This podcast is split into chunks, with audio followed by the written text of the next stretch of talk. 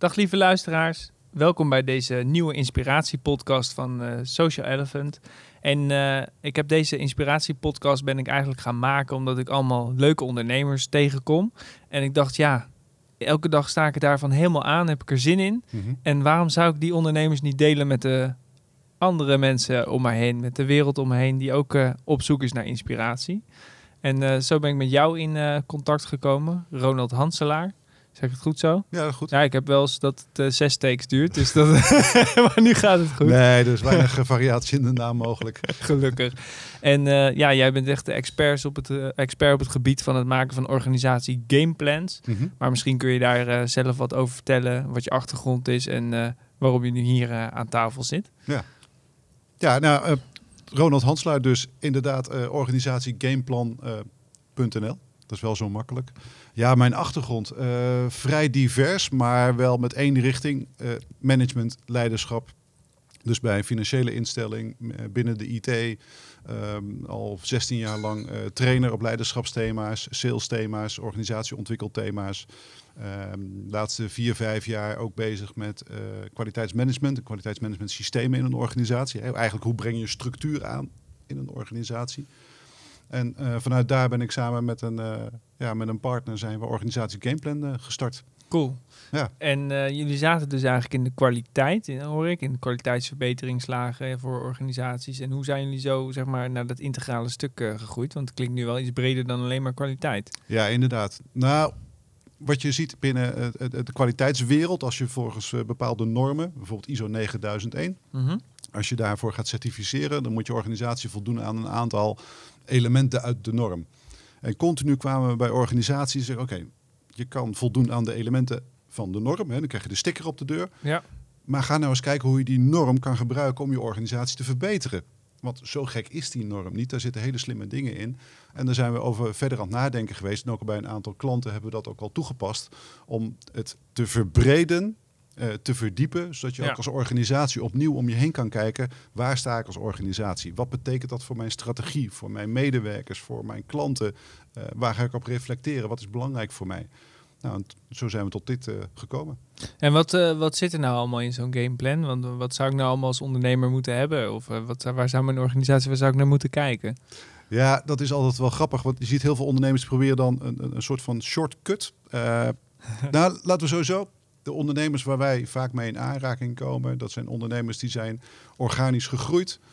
eh, en komen nu op een punt dat ze zeggen: Ja, ik ben wel heel veel bezig met en in mijn onderneming. Ja. Maar eigenlijk te weinig met die klant of met mijn product of dienst waar ik het ooit voor begonnen ben. Ehm, met als gevolg dat ze ook wel vaak gewoon de energie een beetje kwijtraken. ja, ze worden eigenlijk een directeur van de organisatie. en in plaats ze- van een ondernemer. Ja, Dus je bent in de club bezig in plaats van voor je organisatie. Nou, dus waar wij eh, als eerste graag altijd mee willen beginnen, is gewoon even weer plat te kijken, de context. Waarin opereer je? Dat, de context dat is je, nou uiteraard je personeel, dat zijn je, dat zijn je klanten, dat, dat zijn je, misschien wel je investeerders, dat zijn je aandeelhouders. En het is ook de omgeving waarin je verkeert. En op het moment dat die omgeving verandert, kijk wat er nu gebeurt bijvoorbeeld eh, met, eh, met, met, met COVID. Op het moment dat de omgeving verandert, welke impact, welke invloed heeft dat dan op jouw eigen onderneming? En welke impact, welke invloed heeft dat dan op misschien wel je strategie, een meerjarenstrategie?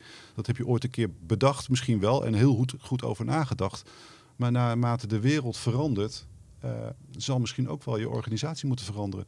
En zijn dat dan eh, macro-economische factoren, zeg maar grote factoren waar je naar kijkt, van de echte grote o- omgeving? Dus bijvoorbeeld ook eh, klimaatverandering in Nederland die er in de komende jaren aan zit te Nou ja, komen? dat, of, eh, dat, dat, dat, dat zou kunnen. Ja. Ja. Op het moment dat je met woningbouw bezig gaat, moet je zeker bezig zijn ook met hoe zit het dan met eh, klimaatverandering en wat betekent dat bijvoorbeeld eh, nou, voor, voor kelders, hè, eh, ondergelopen ruimtes en dat soort dingen.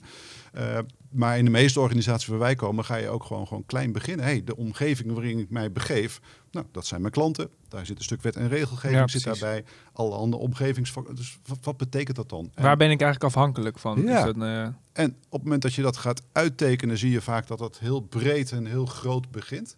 Nou, daarna ga je voor jezelf indikken. Hè, want niet iedereen is belangrijk en sommige mensen zijn minder belangrijk dan anderen. Ehm, om vanuit daar te kijken, oké, welke stakeholders, welke belanghebbenden ehm, ja, zijn, zijn nu op dit moment belangrijk voor de strategie van mijn organisatie.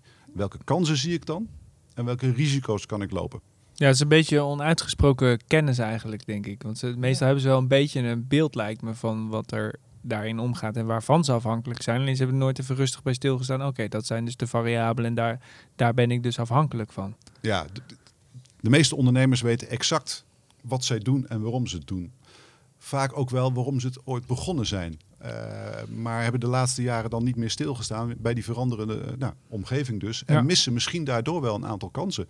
Of uh, zijn zich misschien wat minder bewust van een aantal risico's die ze daarmee lopen. Ja. Eh, risico's van een veranderende wet of ge- regelgeving. Nou, je had het net over klimaat. Stel je voor dat ik dan die kelderbouwer ben Ja, en ik hou daar eh, te weinig eh, rekening mee. Eh, risico's dat je te veel vertrouwt op één of twee grote klanten. Hè, wat gebeurt er als zo'n klant ineens wegvalt? Uh, dus om zich daar weer opnieuw bewust van te maken, zodat je vanuit die context opnieuw kan kijken: oké, als dit dan mijn context is, mijn kansen, mijn risico's, welke strategie kan ik daarop loslaten? En welke, uh, nou, welk actieplan eigenlijk, welk concreet plan moet ik dan daarop loslaten om daar gebruik van te maken, om die kansen te kunnen benutten en de risico's zoveel mogelijk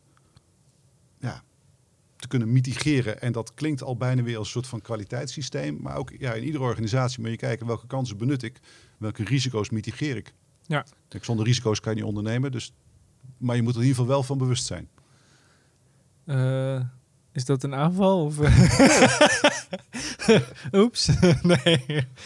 Nee, ik denk, ik denk wel dat de, de, de, de meeste ondernemers die ik spreek, die zitten toch vaak continu met, met, met, met de, de goede ondernemers, de groeiende ondernemers, die zitten met vernieuwende dingen, met andere uh, projecten, andere producten. Dus continu loop je een risico. Nou, slaat het wel aan, besteed ik niet ja, veel absoluut. tijd aan bepaalde en, uh, zaken. Kosten van de investeringen. Kosten van de investeren. Ja. Dus, dus die zijn continu bezig, met, als het goed is, met kansen en risico's. Ja, leuk. Ja. En dat is, uh, dat is de eerste stap. En uh, waar komen we dan uh, daarna uit? Nou ja, de eerste stap, en, en dat, vertaal je dan in een strategie. En de strategie vertaal je uiteraard in een concreet plan. Van wat betekent dat dan voor bijvoorbeeld nu 2020? Als wij een, een lange termijn strategie hebben om, om ergens naartoe te gaan, om ergens te gaan staan met onze organisatie, wat betekent dat voor nu? Wat betekent dat voor de verschillende afdelingen? En veel belangrijker ook nog, wat gaan we dan meten om te weten ook of, of we op koers liggen? Je kan je GPS gebruiken om te kijken of je wel goed rijdt. Uh, maar soms zegt je GPS niet dat daar een veerpont in dat watertje zit. Die stuurt je Nee. alleen maar rechtdoor. Dus je moet om je, iedere keer om je heen kijken van... Hey, meet ik de juiste dingen en weet ik of ik op koers lig. Dus je gaat eigenlijk ook meten de afhankelijkheid van de externe factoren. Dus die breng je ook gewoon in kaart om te zien Ja. wat daar... Uh, ja, dat klinkt eigenlijk heel erg logisch. Ik heb niet echt het gevoel dat het uh, heel complex is dan, als ik dat zo hoor. Maar waarschijnlijk het, is het model niet complex. Maar om het simpel uh, te houden en de, de informatie ook simpel te houden... lijkt me nog wel een uitdaging. Ja, de complexiteit zit met name in de aandacht die je eraan moet besteden. De, uh, het is geen, geen, nou, noem maar, geen hogere wiskunde. Iedere ondernemer die met het plan aan de slag gaat, uh, die kan daar voor zichzelf uithalen wat, wat hij ook zoekt.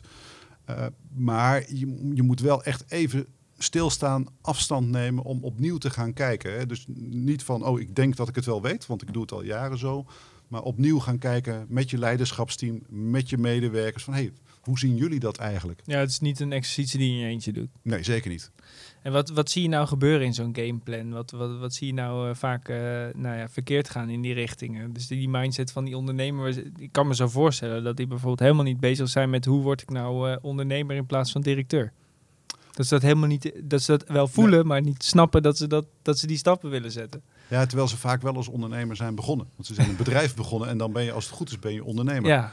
ja en, en, en, en ineens schuift dat en krijg je meer medewerkers. En, en de kennis die je vroeger had, wordt eigenlijk steeds minder belangrijk, want je moet meer gaan sturen. Wil je dan die kennis weer terughalen, omdat je daar uh, heel veel energie van krijgt? Of zeg je van nou, laat iemand anders die kennis doen, ja. ik ga meer sturen. Ja, ik herken het zo erg, want op een gegeven moment zeg maar toen ik begon met ondernemen, was het elke keer altijd tutorials lezen en kijken, oh, kan het slimmer? Oh, vet, oh, hoe werkt dat en hoe zit dat? En nu, gelukkig ben ik weer terug in die fase dat ik me weer kan verdiepen in e-learning. Hoe werkt dit, hoe werkt dat? Maar op een gegeven moment was ik het helemaal kwijt. En dan ben je uh, je leiderschap aan het ontwikkelen. Maar het lijkt ook wel alsof daar op een gegeven moment een piek op zit of zo. Dus dan kan je nog wel nog meer leiderschap gaan ontwikkelen. Toch vind ik dat minder leuk dan dat ik even weet hoe werkt die e-learning software of hoe kan ik die strategie nou of hoe kan ik dit stuk verbeteren. Ja, en dan kom je er toch wel achter dat je eigenlijk liever wil ondernemen dan directeur wil zijn. Ja. Dus, dus dan moet je daar een oplossing voor vinden. Ik zie nu al, voel de vonkeltjes alweer in mijn ogen. Dat ik denk, ja, eh, lekker uitdenken en strategieën maken met klanten, vet. Maar inderdaad, het, de directie voeren en de structuur en de rust en de continuïteit. Het kan wel, voor een maandje of drie. Maar dan, eh, dan komt er wel een soort decompensatie in het gedrag ook. Ja, dus moet je ook daar een keuze in maken. Word ik die operationeel directeur? Hè? Ga, ik, ga ik inderdaad de organisatie operationeel leiden? Of blijf ik die vernieuwer die continu bezig is met, met nieuwe plannen, nieuwe ideeën, nieuwe Ja. klanten? Want beide zie je toch vaak dat dat, ja, dat gaat wringen. Zeker als je organisatie groter wordt. Ja, dat is voor mij niet echt een keus, maar... Nee. Nou ja, het voordeel van een gameplan is wel dat je op een, geme- op een gegeven moment gaat kijken... Hey, waar gaat mijn tijd in zitten? En is dat ook de tijd die ik eraan zou willen besteden? En Ja. hoe kan ik met nou, het nemen van een aantal simpele stappen... het doorlopen van een aantal simpele stappen... hoe kan ik voor mezelf weer tijd vrijmaken... Hè, door misschien wat Ja. meer structuur in de organisatie te krijgen... wat tijd, tijd vrijmaken om weer bezig te gaan met nieuwe dingen... waar Ja, ik energie van krijg. Ja, precies. Want je praat vaak over structuur in de organisatie. Maar wat Mhm. is dat dan, structuur? Want als er, als er geen structuur is, is het ook structuur. Dus wat, wat wordt daar precies mee eh, geduid eigenlijk? Ja, dat is inderdaad wel een goede vraag. nou, daarvoor zit ik hier. Ja, daarom zit jij daar en ik hier ja, natuurlijk. ja, Ja. precies. Nou, kijk, iedere organisatie heeft structuur. En wat we heel veel zien bij groeiende organisaties, dat die structuur orga- organisch tot stand is gekomen. Hè. Je begint Ja. alleen, dan krijg je een tweede medewerker en een Ja. derde. En als je met drie of vier man bij elkaar zit, weet iedereen een beetje wat hij doet. En je, en je loopt met elkaar, loop je de gaten dicht op het moment dat het nodig is. Ja.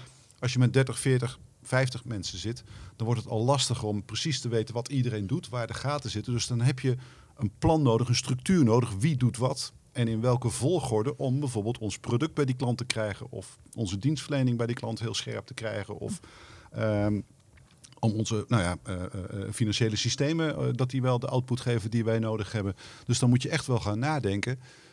hey, ik ben nu heel veel tijd kwijt met het dichtlopen van de gaten, maar misschien kan ik die gaten wel oplossen door daar op een andere manier mee om te gaan. Ja. Zodat die tijd, nogmaals, op een andere manier kan gebruiken. Wat ik met name bij heel veel ondernemers zie vanuit de kennisorganisatie, dat die dan groeien ze naar 20, 30, 40 man en ze blijven zich maar ja, kennisspecialist vinden. Dus als er wat is in een organisatie, lopen zij de gaten dicht. Waardoor de anderen het automatisch niet gaan... eh, Precies. Dus, dus dat, dat- de verantwoordelijkheid neem, ontneem je eigenlijk je medewerkers. Ik vind het ook wel een lastige stap hoor. Ja, wie vertrouw je en hoe doe je dat dan? Want er gaat toch eerst heel veel tijd in zitten om dingen over te dragen en de verantwoordelijkheid te geven. En, en, ja, en hoe controleer je dat dan? En hoe meet je dat dan? En, nou ja, dat, dat is, ik merk, wij hebben net een reorganisatie gedaan. En wat ik nu merk is dat eigenlijk medewerkers eerder een gat dichtlopen dan voor de reorganisatie. Dus je merkt gewoon dat, dat ze ook weten, oh ja, de, die tussenlaag die is er niet meer. Oh, ik los het zelf wel op.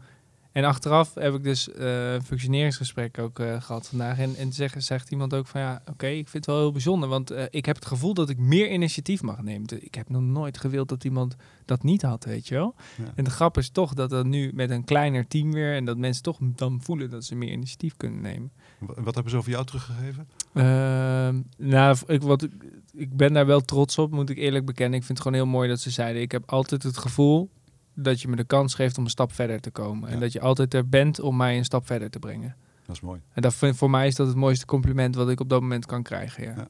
Dat vond ik wel echt heel vet. Als je het hebt over leiderschap, is dat natuurlijk wel het toppunt van leiderschap. Hè? Je medewerkers helpen ook nog eens een keer op een hoger niveau te komen. Wat ze misschien zelf niet eens wisten dat Ja. ze het konden. Dat, en dat is, dat, Ja. is, dat is de uitdaging. Ja. Ja. Dat is het leuke. Maar zo voelt het ook alsof ik hier nu ben om dat te doen. Terwijl drie maanden geleden, toen we dus een andere formatie hadden, toen voelde dat helemaal niet zo. En nu ben ik eigenlijk alleen maar bezig met, oké, kan, kan die wat verder, kan die wat verder? Dat is heel erg kicken. Ja. Nou goed, het staat niet in de gameplan, maar misschien moeten we daar nog een keer... Ja, wat, wat, wat, wat je natuurlijk wel in een gameplan hebt staan, is over eh, het delegeren van verantwoordelijkheden. Eh, hè, wat moet je blijven doen als ondernemer zelf en wat moet je gaan delegeren om ook die tijd weer ja, eh, vrij te spelen voor jezelf, richting de groei van je onderneming. Ja, mijn leiderschapscoach zegt altijd, ja, wat kan je niet delegeren in de organisatie? En eh, bijvoorbeeld leiding geven, kun je, hij zegt, dat kan je niet delegeren. Nee, eindverantwoordelijkheid ook niet. Nee, precies. Nee. Hij zegt, dat kan niet. Maar als ik, ik, ik, ik, vraag wel eens een aantal managers, dan, dan, dan, dan sta ik voor een whiteboard zeg nou jongens, waar ben je allemaal verantwoordelijk voor? En dan krijg ik echt zulke lijsten. Ja. En uiteindelijk zijn het maar zes of zeven dingen waar je echt verantwoordelijk voor bent. En de rest moet je zo snel mogelijk eh, bij iemand anders beleggen. Ja, wat ik nu wel hoor is dat het gameplan gaat eigenlijk heel veel over mensen. Jouw persoonlijke drive, waar wil jij naartoe? En hoe ga je dan de taken die je niet wil doen eh, delegeren? En hoe Mhm. ga je daar dan kwaliteit op meten of waarborgen? Dat is een beetje wat ik nu van je terugkrijg. Maar Ja, dat klopt ook wel. Wij, wij zijn ook van mening dat ja, een organisatie is sowieso, het- het- zonder de mens bestaat het niet. nee. Hè, dus eh, nou ja, bijvoorbeeld ook weer vanuit die, die opbouw van het gameplan. We hadden het al over de context, we hebben het over de strategie. En dan ga je ook nadenken, hey, als dit dan mijn strategie is, als dit dan mijn aanvalsplan is, wat voor soort mensen heb ik daar dan voor nodig? Wat heb ik al in huis bijvoorbeeld eh, aan medewerkers? Hebben ze wel de juiste eh, kwaliteiten? Eh, moet ik op een andere manier gaan werven? Dat kan. Ik kom heel veel consultancy-organisaties tegen. Die hebben altijd jarenlang uit dezelfde ruif soort mensen gehaald. En nu gaan ze ineens ook om zich heen kijken. Hé, hey, wacht even, maar als jij die opleiding hebt gedaan, oh, dan kan ik je misschien ook. Dan heb je een andere invalshoek die misschien wel belangrijk is voor onze organisatie. We waren zo gefocust op bedrijfskundigen en, en wiskundigen en noem maar op. Maar misschien moet ik wel iemand die politicologie gestudeerd heeft, omdat hij vanuit een andere invalshoek naar de problemen van de klant gaan kijken. Nou, en, dat, dat, en dat kan je alleen maar goed neerzetten ook op het moment dat je strategie duidelijk is vanuit je context. Dan kan je kijken, hey, wat, wat heb ik? Wat past daarbij? Hoe kan ik mijn medewerkers naar dat volgende niveau brengen als dat nodig is voor, voor de ontwikkeling van de organisatie? En wat zegt dat over mijn aannamebeleid? Als ik iemand verantwoordelijkheid wil geven, ja, wat betekent dat? Wat voor soort mensen zoek ik daar dan bij? Ja, het klinkt ook wel alsof zo'n eh, gameplan juist in deze coronatijd ook wel eh, voor veel organisaties eh, iets is. Want je moet toch met je personeel met z'n allen gaan nadenken over al die processen. Hoe gaan we dat doen en wat gaan we dan doen en hoe gaan we dat inrichten? Ja. Ja, er zijn natuurlijk wel wat factoren die eh, geshift zijn. Nou ja, het hele leiderschap is geshift. Hè. Op het moment dat je al je medewerkers thuiswerken, uh, hoe, hoe, ga je leiding geven aan zo'n soort organisatie? Uh, ik, ik, ik hoor hele, hele grote bedrijven. Google heeft al gezegd, zelfs in 2021 verwachten we waarschijnlijk geen mensen op kantoor. Nou, ik hoor wat kleine organisaties in Nederland die zeggen, nou 20, 30 procent op kantoor en de rest moet blijven thuiswerken. Maar wat betekent dat voor jezelf als organisatie? Wat betekent dat voor je cultuur? Want als mensen op afstand ja, werken, cultuur, ja. kunnen ze ook op afstand voor iemand anders gaan werken. Um, wat betekent dat voor, voor, voor delegeren van verantwoordelijkheden? Wat delegeer je dan? Hoe, hoe, wil je dat dan wel controleren? En hoe, je dat, hoe controleer je dat? Dus er zijn allemaal vragen waar heel veel ondernemers op dit moment mee zitten. Om uiteindelijk ook voor zichzelf dan weer een plan te maken. Ja, wat betekent dat dan uiteindelijk voor mijn organisatie? Want die zag er op een bepaalde manier uit. Dat is misschien wel helemaal ja, gereshuffeld door, uh, door COVID, door corona. Uh, ja, wat betekent dat? Kan ik nog wel blijven bestaan zoals ik bestond? Of moet ik terug naar een andere vorm? Of, ja. Of, het klinkt een beetje alsof jullie, uh, die ondernemer heeft een droom en een richting en dit wil ik.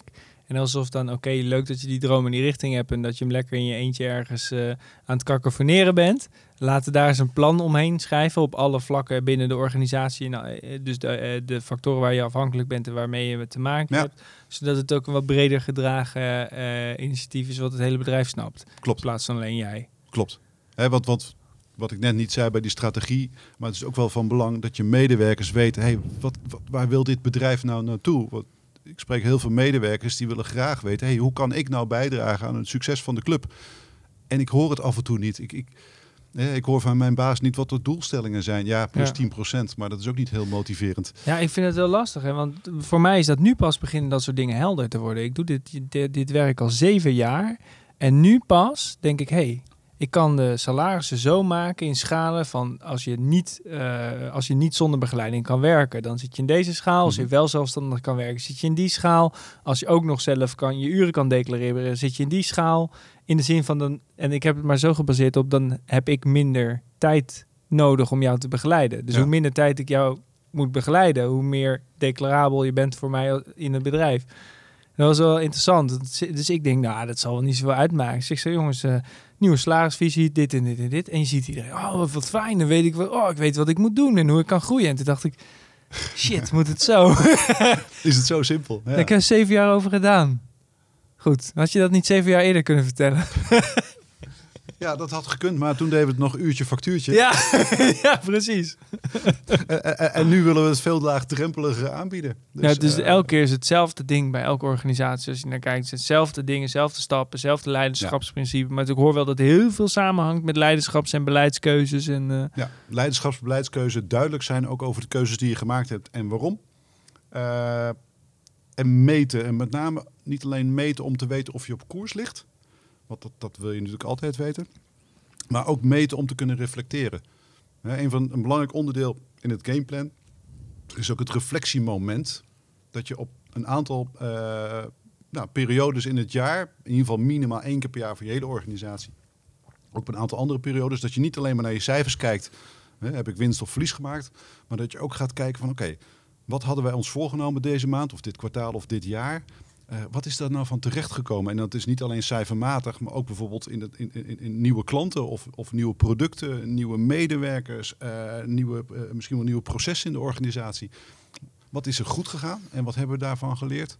En wat is er niet zo lekker gegaan? Wat hebben we daarvan geleerd? En wat betekent dat geleerde, die reflectie dan weer voor het volgend jaar? Ja, dus het klinkt ook alsof die structuur je gaat helpen om het gesprekken met alle medewerkers aan te gaan. Oké, je moet dus zo vaak dat gesprek doen en dan op deze manier. En dan ga je het dus over die strategie hebben die je hebt opgesteld. En dan ga je daarover reflecteren met elkaar. Ja, een heel belangrijk onderdeel wat ondernemers nog wel eens vergeten in, in, in de waan van de dag, omdat ze het heel druk hebben. Met je belangrijkste klanten om tafel gaan zitten om te kijken, wat verwachten jullie nou van mij? Zijn al jaren klant. Wat doen we dan goed in die dienstverlening of de producten die we leveren? En, en waar zie je voor ons nog toegevoegde waarde, andere toegevoegde waarde? Om met die informatie ook weer terug te gaan naar je eigen organisatie. Om te zeggen, oké, wacht even, wij denken dat we het goed doen. Hè, want de cijfers laten zien dat we het goed doen. Maar die klant verwacht ook nog andere dingen van ons. Hey, misschien kunnen we daar wat mee. Misschien kunnen we op een andere manier daar aandacht aan besteden. Waardoor we onze organisatie kunnen laten groeien. Of in een andere richting kunnen gaan sturen.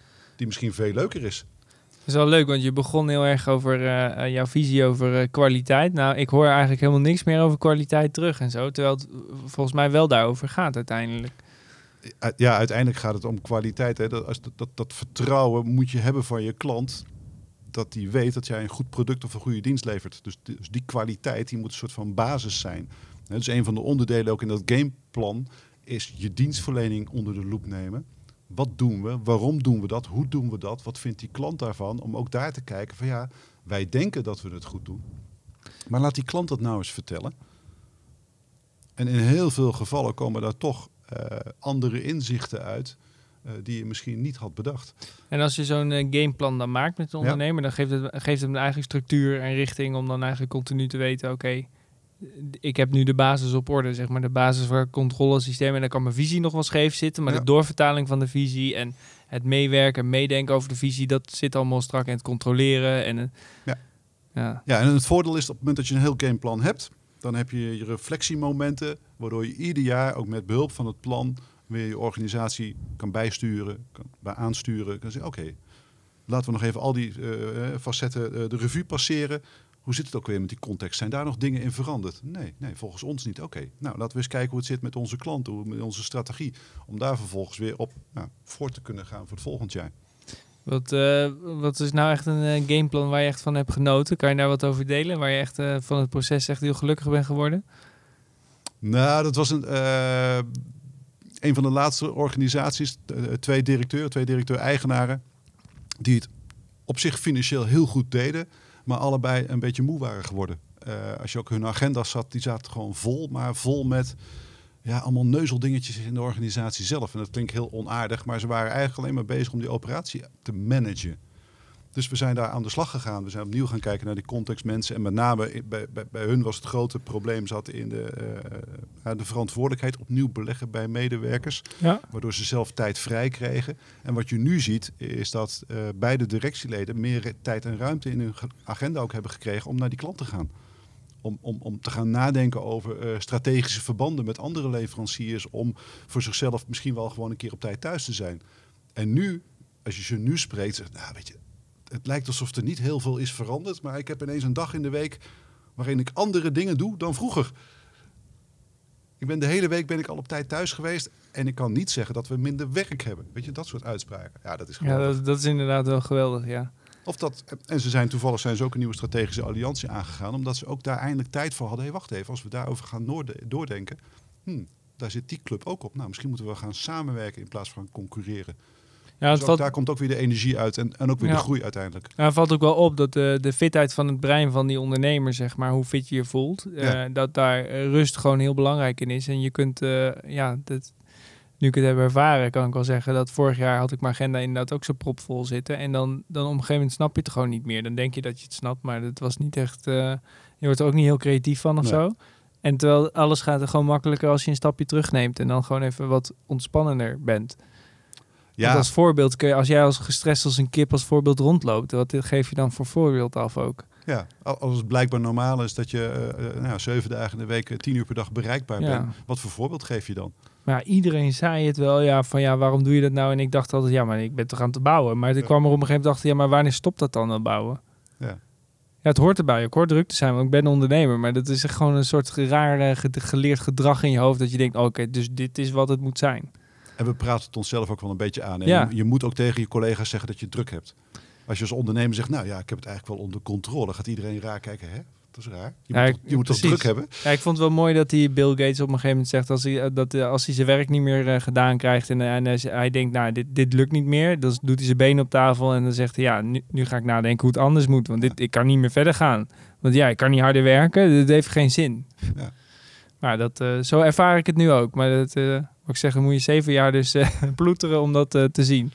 Nou, ik weet wel, toen ik voor het eerst eh, ook voor mezelf begon, heb ik wekenlang ook, ook, ook lijstjes bijgehouden ja. met een goede planning voor de hele week. Want hè, dat zie je ook vaak. wie dicteert de planning? Is dat de omgeving of ben je dat zelf? En het grappige is, op het moment dat je zelf de juiste dingen gaat plannen die voor jou belangrijk zijn, hè, de rest van de agenda loopt vanzelf vol, krijg je daar veel meer energie Ja, uit inderdaad. dan dat je agenda laat plannen door omstandigheden. De waan van de dag, eh, collega's die aankomen lopen, eh, klanten die verkeerd gaan. Daar kan je heel veel tijd en energie aan kwijt zijn. Maar uiteindelijk schiet je daar niet heel veel mee op. Terwijl als je gewoon bezig gaat met die groei van je onderneming en daar ook de planning op loslaat. En dan één keer per dag gewoon even kort reflecteren. hey, wat heb ik nou vandaag gedaan volgens die planning? Klopt dat? Ja, eigenlijk wel. En als het, niet, als het niet gegaan is zoals ik had bedacht, hoe komt dat dan? Heb ik zelf weer gewoon eh, ja, toch wel een beetje laten lopen? Of is er iets heel urgents gebeurd waardoor ik heb gezegd, nou, ik, ik pak toch op een Ja, andere precies. manier mijn tijd. Dus die doelstelling van een gameplan is eigenlijk ook om die ondernemer daar ja, weer terug in de lead te zetten. En Ja. dat hij weer de ruimte heeft die hij nodig heeft om adem te halen. Dat hij dat ook op de juiste manier gedelegeerd heeft. Klopt. Ah, klinkt, eh, klinkt wel heel erg eh, tof. Wanneer gaan we beginnen? Ja, wat mij betreft, eh, hoe laat is het? Eh, ja, het is al avond, maar eh, ja. wat ik nog wel leuk zou vinden is als je misschien even drie tips zou willen delen met ons. Waarom, ja, over zeg maar hoe je als, als directeur, eigenaar of oprichter, hoe je nou je eerste stapjes kan gaan zetten om wat meer tijd voor jezelf vrij te krijgen. Waar, waar moet ik beginnen? Ja. Nou, soms kan het heel simpel zijn. Ehm, ja, ik zeg wel eens tegen klant, lees een goede krant. Maar iedere dag zie je nieuws op je afkomen. Dat kan eh, goed nieuws zijn, dat kan slecht nieuws zijn, dat kan economisch nieuws zijn, dat kan macro. Nou, wat betekent dat nou voor mijn organisatie? Moet ik daar wat mee voor mijn organisatie of moet ik er helemaal niets mee? Er gaat iets in de krant, staat er iets over mijn concurrentiepositie of over mijn concurrent. Betekent dat iets voor mij? Om ook vanuit die invalshoek je context eens gewoon een keer te bekijken. Gewoon om een keer mee te nemen tijdens een vergadering met, met de rest van je managementteam. hey, ik zie dit in de krant. Betekent dat iets voor ons of, of kunnen we dit zo laten? Dat je daar in ieder geval over na gaat denken. Eh, twee, wat wil je meten en weten in je organisatie? Het zijn niet alleen de financiële gegevens. Daar heb je je systemen voor als het goed is. Maar het zijn ook andere gegevens. Hè. Wat vinden mijn klanten van mij bijvoorbeeld? Wat vinden mijn medewerkers van mij? Hoe kom ik over op medewerkers? Dus zorg dat je dat voor jezelf ook duidelijk hebt van waarom wil ik dat dan weten? En hoe gaat mij dat dan helpen in mijn strategie van mijn organisatie?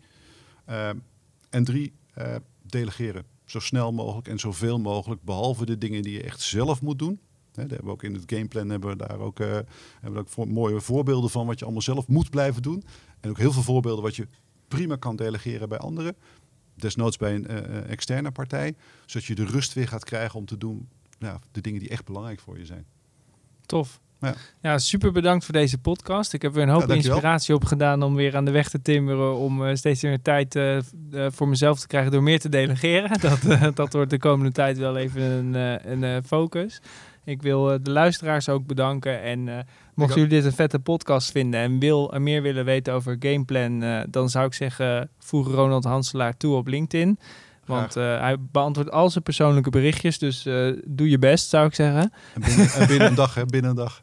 Ja, en als je vragen hebt over, over het gameplan of over deze methodiek of hoe je het moet toepassen, laat even wat comments achter hier op LinkedIn. Of uh, tag iemand waarvan je vindt dat hij echt iemand dat hij echt flink moet gaan delegeren omdat hij met wallen onder zijn ogen loopt. Het is ook wel leuk om die personen te zien. ja. En ja, ik wil jullie enorm bedanken voor het luisteren en tot de volgende podcast. Dank jullie wel.